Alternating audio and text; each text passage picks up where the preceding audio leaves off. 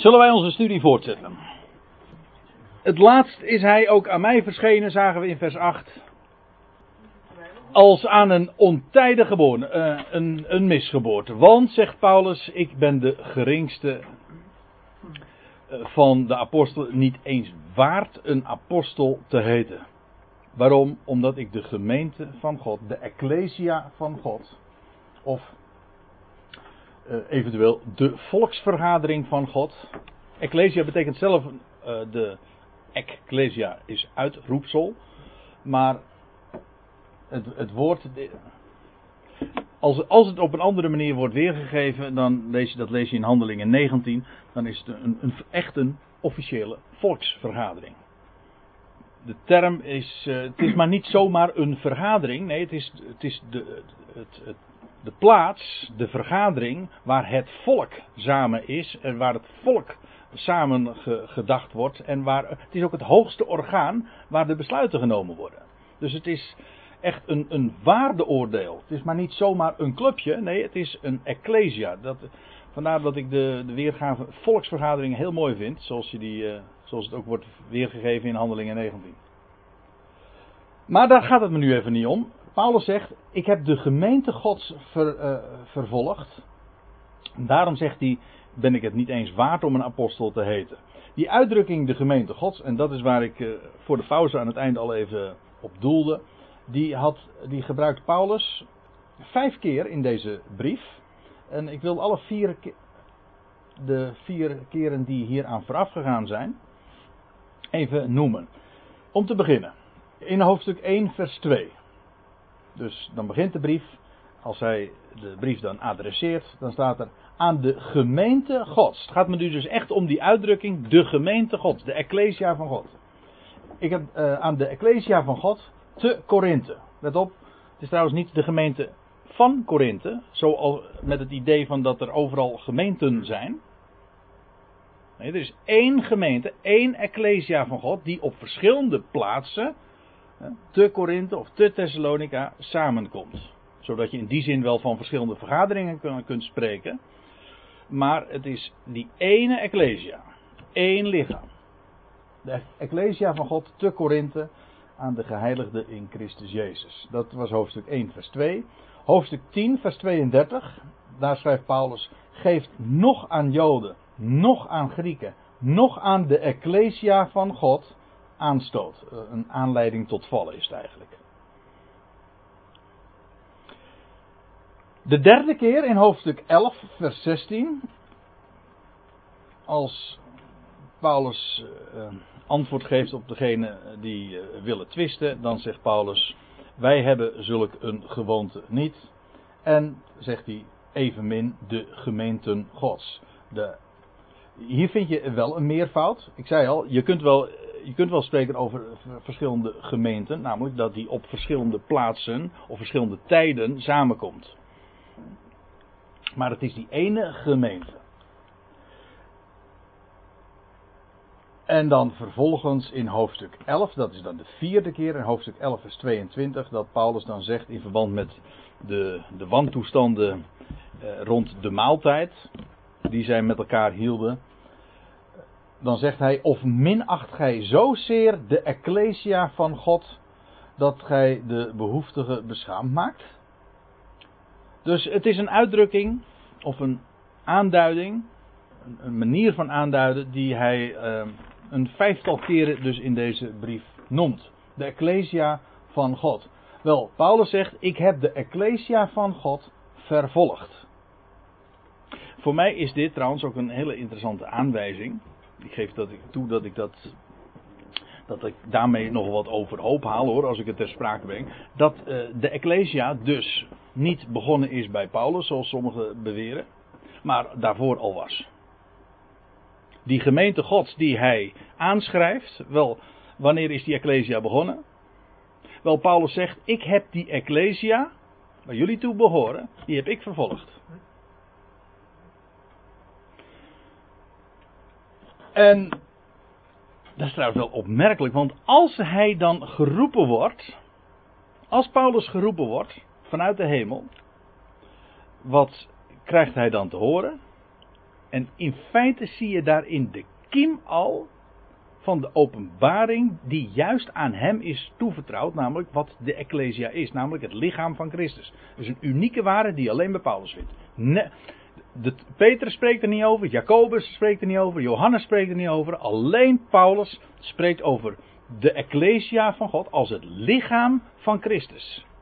En in de kin zie je dat al in zijn, bij zijn roeping, bij de eerste de beste zin die hij vanuit de hemel te horen krijgt, dat dat uh, bekendgemaakt wordt. Want wat krijgt hij te horen als hij daar op het middaguur geroepen wordt en hij is op weg naar, naar Damascus? Dan, zegt hij, dan krijgt hij te horen: Saul, Saul, wat vervolg je? De gemeente Gods? Nee, wat vervolg je mij? Hij vervolgde de gemeente Gods, maar Christus identificeert zich met die Ecclesia. En zegt: Dat ben ik. En daarin zie je in de kiem dus al de waarheid die hij later in zijn brieven breedvoerig uiteenzet, namelijk Christus het hoofd en de gelovigen die tezamen één lichaam vormen en met hem verenigd zijn. Zijn positie is onze positie. We zijn, we, ik bedoel wij als gelovigen, zijn één gemaakt met hem. En, en ja, dat is een geweldige waarheid. We zijn één met hem in zijn dood, in zijn opstanding, maar ook in zijn positie nu. Hij is boven alle dingen gesteld, ja, en wij met hem. Waarom? Dat is, dat is genade. Maar één gemaakt met hem. Dus, die gemeente Gods, daarvan zegt Paulus, ik ben een vervolger daarvan geweest. Ja, dat is een beetje een onduidelijk plaatje, want ik heb dit eh, zelf niet uh, getypt. Maar uh, dit zijn allemaal van die verwijzingen waarin Paulus daar ook, of waarin de schrift gesproken wordt over, de, over het feit dat hij een vervolger is geweest van de Ecclesia. Er, u ziet het in, in het boek Handelingen, in Handelingen 8, in Handelingen 9, in Handelingen 22, 26. Wordt er allemaal naar verwezen. Vooral die uh, laatste. Ga eens even met me mee. Handelingen 26. Ik vind het belangrijk genoeg om daar toch even aandacht aan te geven. En niet zomaar achterloos aan voorbij te gaan. In Handelingen 26, dan is Paulus voor Agrippa. Ik, al eerder vanavond uh, verwees ik eventjes naar dat hoofdstuk. Maar dan zegt hij dit.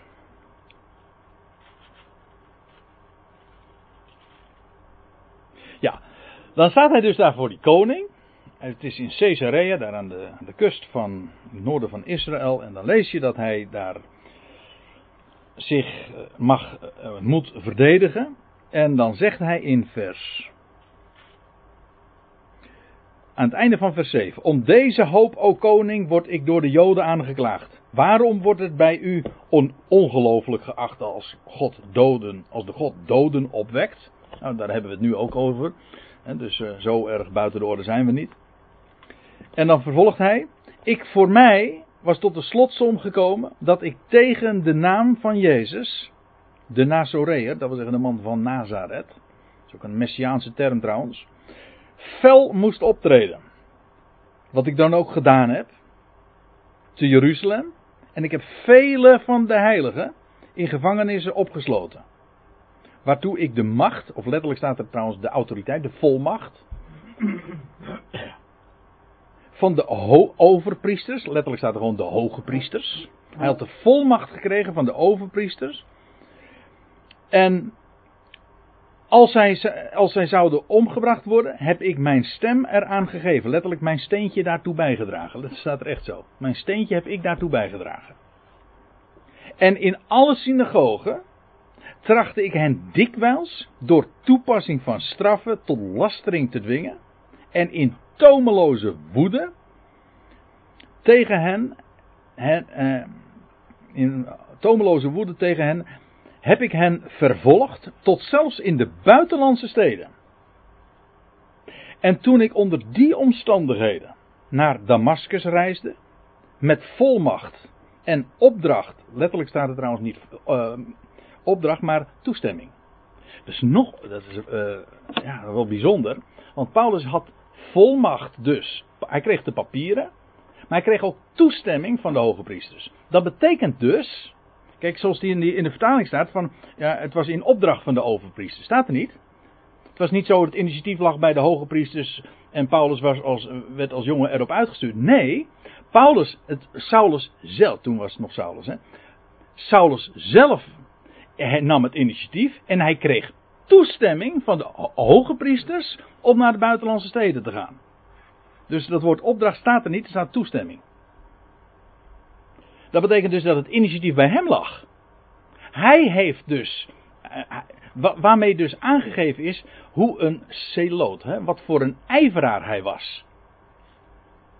En een, een, een, ja, wij zouden zeggen, een, fundamentalist, maar een, ehm, ja, gewoon een terrorist. ja, dat is eh, een term die daarin, eh, die, die kun je rustig zo noemen. Echt een Joods terrorist. En uh, het was natuurlijk een, een hoogbegaafde man. Hij zegt ook in het Jodendom, in de, in brief. Ik heb het in het Jodendom verder gebracht dan vele van mijn tijdgenoten. Het was een man van aanzien. Veel, hij staat aan de voeten van Gamaliel, dus het was een veelbelovend student. En hij was zo verschrikkelijk fel gekant tegen die, die secte van de Nazareners, die zij de weg noemen. En dat hij dus, en zelfs op eigen initiatief is hij zelfs naar het buitenland gegaan. Dus er was geen grotere tegenstander tegen, dat, tegen die secte dan Saulus van Tarsus. Hij was echt een kampioen. Geen grotere tegenstander dan hij. Niet alleen een grotere tegenstander, maar echt iemand die zelfs zo ver ging. Hij hij, je leest in Handelingen 8, in vers 3, hij verwoestte de Ecclesia. Alles deed hij. Hij sleurde mensen. Ja, je moet het maar eens nalezen, want in al die verschillende hoofdstukken, handelingen 8, 9 en 22, worden iedere keer nog wat extra informatie, verschillende soorten informatie uh, doorgegeven over wat hij allemaal al deed in die periode. Maar hij was zo enorm fanatiek. Zo'n grote tegenstander. Dat was Saulus. Het loutere feit dat Paulus nu de grootste getuige is van de opstanding van Christus, de opgewekte Christus, dat is op zich al een, een, een, een, een bewijs van de opstand. Dat zo'n uitgesproken tegenstander geroepen is. En wat is de verklaring? Daar kun je natuurlijk allerlei eh, psychologische theorieën op loslaten. Maar luister nou eens een keertje naar Paulus zelf zegt. Is één verklaring. Nou, dat is wat je leest. En toen ik onder die, ik lees even verder in Handelingen 26.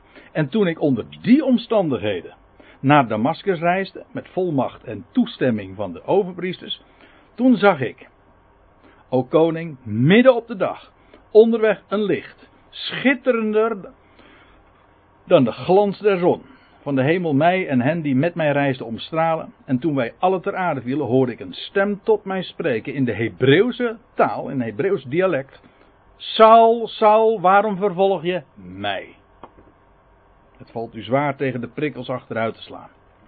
Dan meteen, wie zijt gij heer? Nou ja, ik zou in de verleiding komen om die prachtige geschiedenis in Handelingen 26 te gaan lezen. Maar dat doe ik nu even niet, want we zijn met, handel, met 1 Korinthe 15 bezig. Maar ik wil er maar mee zeggen, wat voor een uh, vervolger Paulus is geweest in zijn tijd. Ik heb de gemeente Gods vervolgd. Nou, dat kun je wel zeggen. Een kampioen was hij daarin. En juist daarom. Hij zegt: Ik ben het niet waard een apostel te heten. Ik ben de geringste van de apostelen. Weet je, het is een opklimmende reeks, hè, vind je in de brieven. Hij noemt zich de geringste van de apostelen. In de Efeze 3, dat vers 11, 12 of zo. Daar lees je dat hij zich noemt de minste van alle heiligen trekt hij de kring nog wat groter. En dan heb je er nog eentje. Nou, laten we die ook nog even lezen. 1 Timotheus 1. Je ziet hem hier trouwens ook. Het past helemaal trouwens in dit verband. 1 Timotheus 1.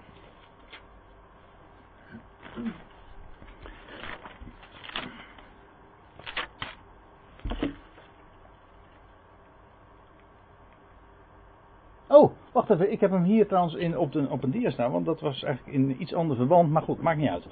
Ik heb hem hier dus staan. Dus u hoeft hem niet per se op te zoeken. Daar schrijft Paulus dit. een persoonlijke brief aan Timotheus, zijn medewerker. En dan zegt hij, hoewel ik vroeger een lasteraar. Er staat in de MBG een godslasteraar, maar dat is natuurlijk niet echt een, goede term. Er staat gewoon een lasteraar. Hij was geen godslasteraar, hij was, een, hij was buitengewoon religieus. Het was juist zijn religieus fanatisme dat hem uh, ertoe bracht. Maar hij was een lasteraar, namelijk van de naam van Jezus. En zegt hij een vervolger en een geweldenaar. Nou, ik had het net over het woord terrorist. Dat is hier heel goed van toepassing. Een lasteraar, een vervolger en een geweldenaar. Maar zegt hij, mij is ontferming bewezen. En dan zegt hij bij, omdat ik het in mijn onwetendheid, in ongeloof gedaan heb. Dat wil zeggen, ik wist niet beter. Ik wist niet beter. En dan zegt hij erbij, ah, en overweldigend is de genade van onze Heer. Ja, in de MBG-vertaling staat overvloedig, maar het is echt het woord overweldigend is de genade van onze Heer. Het geloof en liefde die in Christus Jezus is. Kijk, dat is wat er hem gebeurde.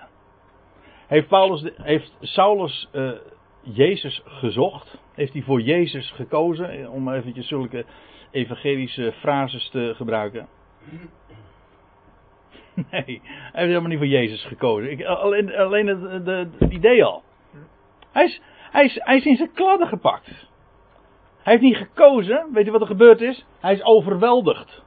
Dat is een andere koek. Hij is overweldigd. Hij kon helemaal niet anders. En ik moet, ik moet uh, uh, de, de, term, uh, daar ben ik, heb ik, ik heb hem vroeger vaak gehoord en ik, ik blijf hem erg mooi vinden. Hij is wat uh, in reformatorische kringen uh, bekend.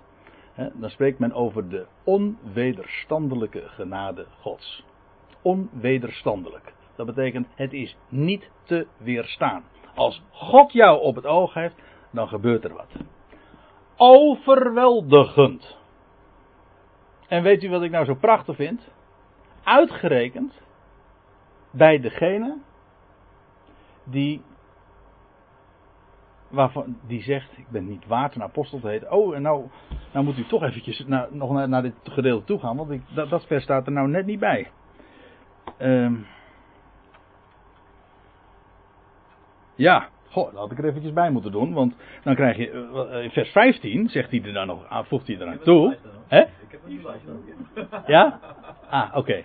Ja, want uh, vers 15, daar heb ik er nou in mijn diaatje er niet bij, dat hij er echt bij moet. Want, zegt hij. Uh, overweldigend is de genade van onze Heer geweest. Met het geloof en de liefde van Christ, in Christus Jezus. En dan voegt hij eraan toe. Dit is een getrouw woord en alle aanneming waard. Hij zegt, uh, diezelfde uitdrukking komen we in hoofdstuk 4 nog een keer tegen. Dat hij zegt, dit is een getrouw en woord en alle aanneming waard. Ja, hiertoe arbeiden wij en worden wij gesmaad, omdat wij onze hoop gevestigd hebben op de levende God, die een behouder is aller mensen, allermeest der gelovigen. Beveel deze dingen en leer ze. Hier zegt hij het ook. Hier zegt hij, um, dit is een, dit is een getrouw woord, alle aanneming waard, dat Christus Jezus in de wereld gekomen is. Waarom? Om zondaren te behouden. Daarom. En dan zegt hij erbij, onder welk ik een eerste plaats inneem. Waarmee dus gezegd is, als er hoop is voor de eerste, de ergste, zwaarste zondaar, dan is er hoop voor alle zondaren. Dat is het evangelie. Er is hoop voor alle mensen. Is toch geweldig? Hoop voor alle mensen. En, waar, en weet je wat nou zo geweldig is? God had Paulus geroepen. Juist om. En ja, waarom moest hij. Waarom moest hij een, een, een lasteraar zijn en een vervolger en een geweldenaar? Omdat God zijn genade in hem wilde demonstreren. En God, juist hem, wilde God gebruiken. En heeft God, ge, hij is geroepen. Wel om waarvan te spreken over de overweldigende genade van onze Heer. En dat is geen kwestie van kiezen.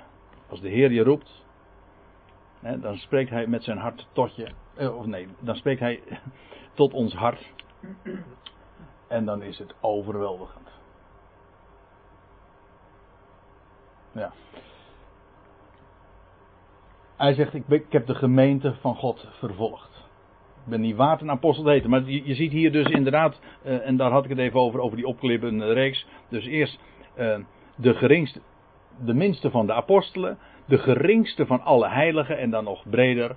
Ik ben de eerste van alle zondaren. En dan sluit hij de hele mensheid. En in, de, en in die mensheid, zegt hij, dan ben ik de ergste zondaar. En mij is genade bewezen. Overweldigend.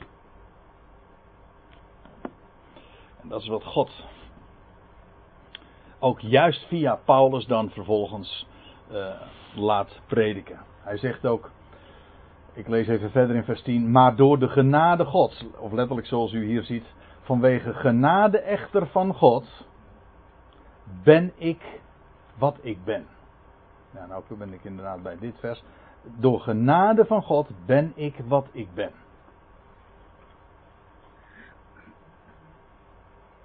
Ja, wat was die? Nou, hij was een geroepene. En hij was een apostel of een afgevaardigde. Waarom? Had hij daarvoor was, was hij daarvoor gekwalificeerd? Nou, nee, juist niet. Maar juist daarom is hij geroepen. En wat was hij? Was nou helemaal niks.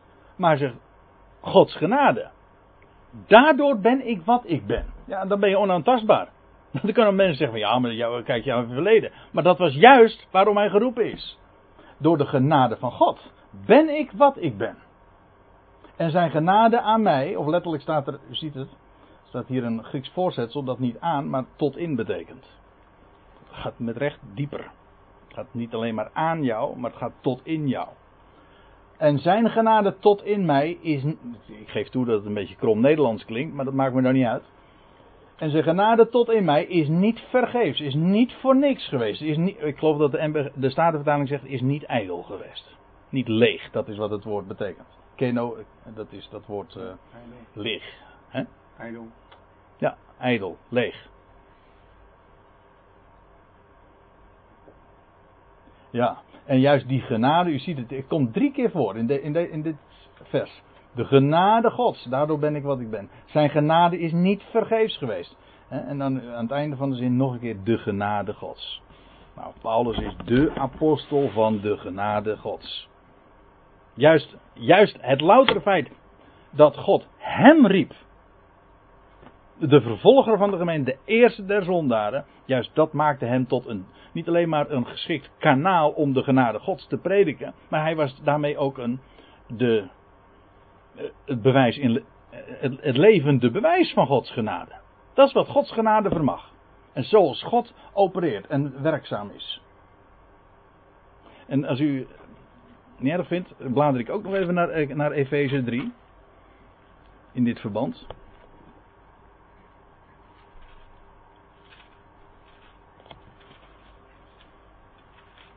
Efeze 3, dat is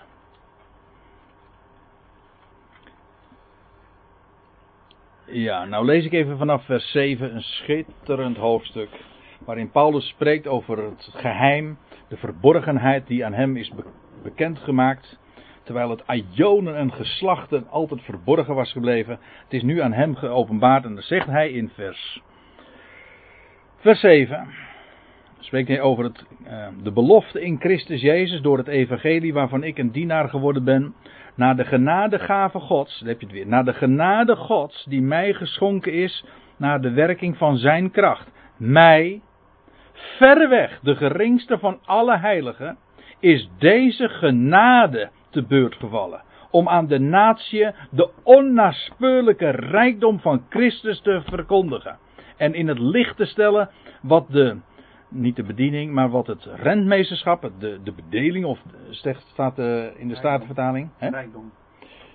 Ja, de rijkdom? Ja. De onnaspeurlijke rijkdom van Christus. Ja, maar wacht even.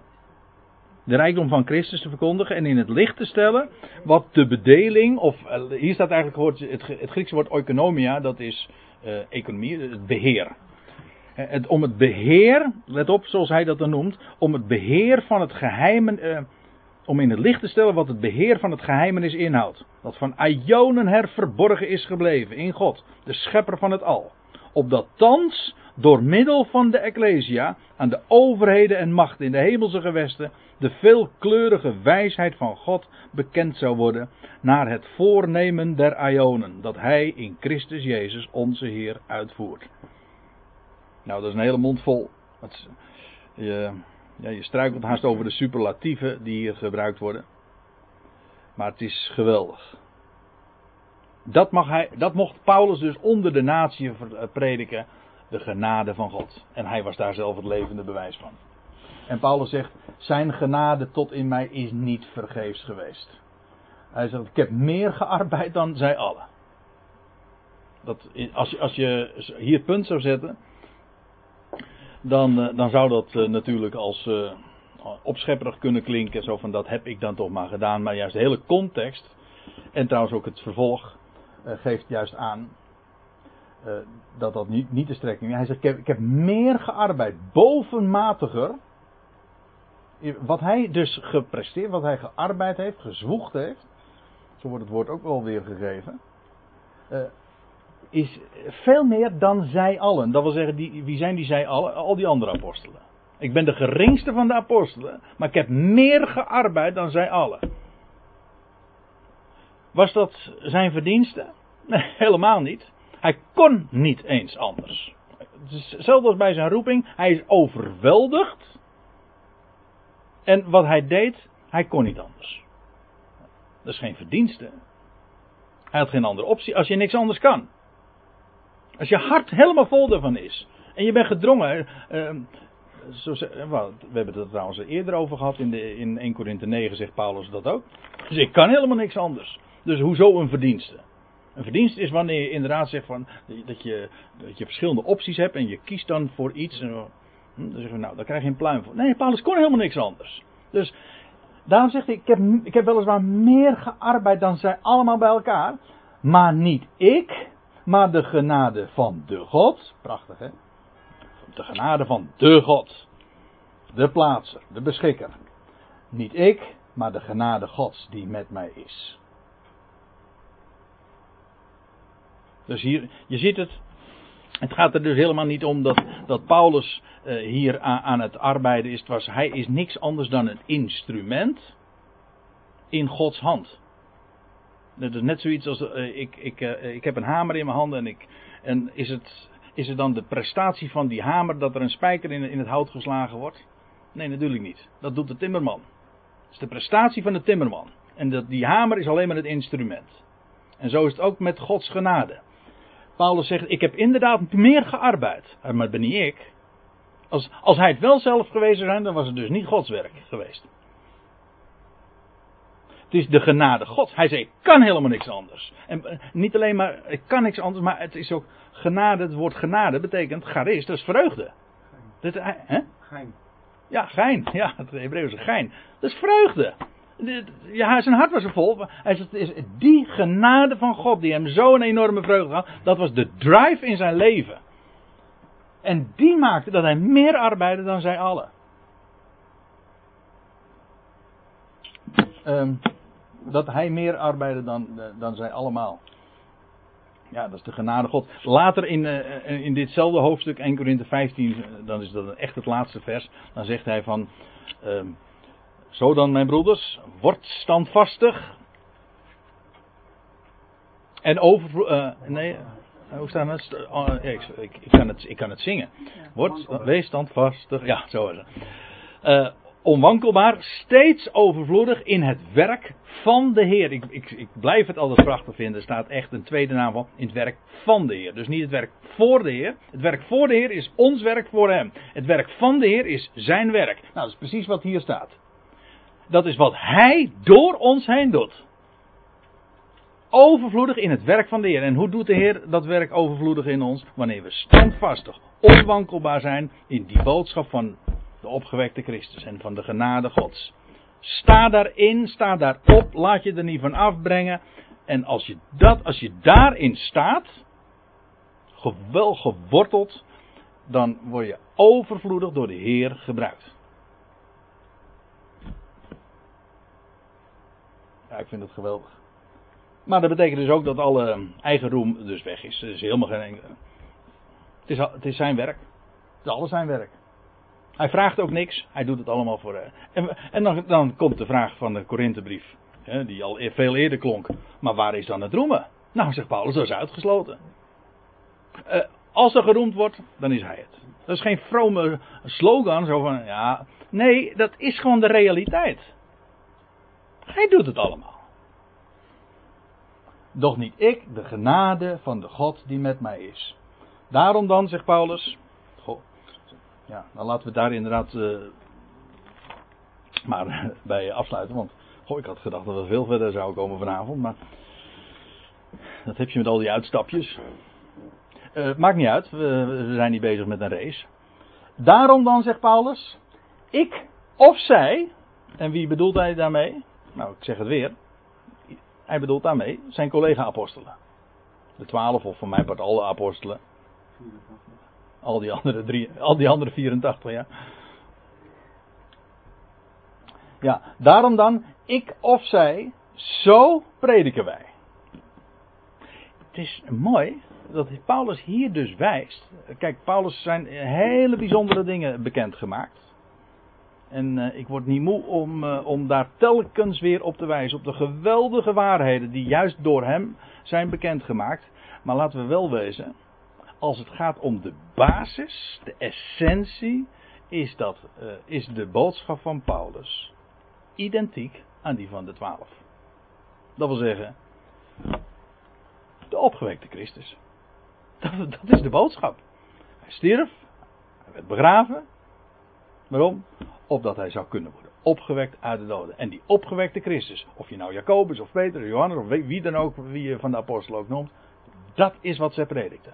De opgewekte Christus. Inderdaad, Paulus mocht veel meer nog zien dan, dan die anderen en uh, allemaal tot je dienst. Maar dit is de essentie. Dit is de basis, laat ik het zo zeggen. Dit is het ABC, ja, dat is wel een mooie term in dit verband, het ABC. Hè? Zo, uh, zo noemden we dat ook in 1 Korinthe 15. Dat Paulus zegt, voor alles heb ik u overgegeven. En dan noemt hij drie dingen. A, B, C. Hè? Ja, dit is het ABC. Natuurlijk dus niet het hele alfabet. Maar je moet daar wel beginnen. Daarom dan, ik, Paulus, of zij, de twaalf, de andere apostelen. Zo prediken wij, zo herauten wij. Niet preken wij. Nee, zo herauten wij. Dat maken we bekend. Niet een politiek programma, niet een filosofie een feit, een gegeven. Hij is opgewekt uit de doden. Met alle consequenties van dien. En zegt hij, zo zijt gij tot geloof gekomen. Eigenlijk staat het veel korter door. En zo geloven jullie. Vertaling voor de predik is dat uitroepen? Sorry, dit woord? Prediken. Uitroepen? Ja, dat is het. Uh, uh, het, ja, deze is echt uh, herauten. Herauten, ja. uitroepen. Ja, nou, ja, ja uitroepen. ik weet niet hoe je dat bedoelt. Eruit roepen? Nou ja, of bedoel je dit? Ja, uitroepen. Ja, herauten met, uh, dat doe je ook uh, Ja, precies. Ja, ja, in die zin. Ja, daarom, uh, maar uitroepen, dat is een wat dubbelzinnige term. Ja, ja, dat, ja. even anders. Ja. ja nou, even anders zoals Abraham de naam van God uitriep. Maar, ja, ja, ja, ik begrijp wat je bedoelt. Ja, ja. dat is een beetje een dubbelzinnig woord. Maar je bedoelt inderdaad uh, herauten, bekendmaken. Of uh, proclameren. Ja? ja, zoiets. De bevrijding proclameren. Ja. En zo prediken wij, zo herauten wij, laten we dat, uh, maar op dat woord houden. Zo herauten wij en zo zijt gij tot geloof gekomen. Er wordt nog eens een keertje in onze vertalingen gesproken, uh, tenminste in de MBG vooral, over de, tot geloof komen. Maar ik zal je vertellen, kijk maar eens na. Er staat in, in, de, uh, in de grondtekst is er nooit sprake over tot geloof komen. Het is gewoon geloven. Het is niet zo van, daar is geloof en dan moet je eerst toe komen en dan ben. Nee, je gelooft. Er, komt een woord. En dat woord overtuigt jou. Let, let, let op zoals ik het zeg. Het woord overtuigt je. En dan geloof je. Dat is de, geloof is dus in die zin ook gewoon een gave. Je wordt overtuigd. Je, geloof, je kan niet op commando geloven. Vertrouwen. Je wordt overtuigd. Wel, dat woord heeft geklonken. Dat hebben zij gepredikt. Dat hebben Paulus en wie dan ook hebben dat gepredikt. En dat bracht hen tot geloof. Nou zeg ik het zelf eigenlijk ook fout. Maar goed, dat is het Nederlands idioom. Het is ook geen kritiek op de vertaling, maar het is eigenlijk in het Grieks dus eigenlijk nog veel simpeler. Je gelooft. Het is niet eerst van je, moet, komt tot geloof. Je gelooft. God overtuigt door zijn woord. Zullen we nog afsluiten met dankgebed? Machtig God en Vader, wat is het geweldig dat we zo'n solide fundament onder ons leven mogen hebben. De rotsgrond van uw woord. Het woord van leven. Een woord van een opgewekte Christus. En Heer, dat maakt ons zo enorm opgewekt. Dat de dood is overwonnen. En sterker nog, de dood zal uiteindelijk als laatste vijand zelfs totaal teniet gedaan worden. Dan zal er geen dood meer zijn. Dan is het leven. Het leven dat ooit door uw zoon aan het licht kwam. Heer, we danken u dat het zo geweldig is om daarmee bezig te zijn. Als we een hoofdstuk als 1 Korinthe 15 vanavond ook met elkaar mochten bespreken. Het is een groot voorrecht rondom dat woord samen te zijn. En om dat, dat levende woord van u te mogen kennen. Het is inderdaad zo geweldig. Het, het overweldigt ons hart. Dat we kennis mogen maken met een God die werkelijk God is. Alles plaatst, alles in zijn hand heeft en wiens genade ook zo groot en overweldigend groot is men ook niemand uitsluit. Heer, we zijn daar zo enorm rijk mee. En we danken u dat we dat in ons leven ook dat mogen uitleven, dat we daarop mogen staan en zo ook overvloedig mogen worden in het werk van u. Het is alles uw werk en uw genade. We danken u dat we voor uw rekening zijn, dat u geeft wat we nodig hebben en dat we in die vreugde elke dag mogen leven tot eer van uw naam. Amen.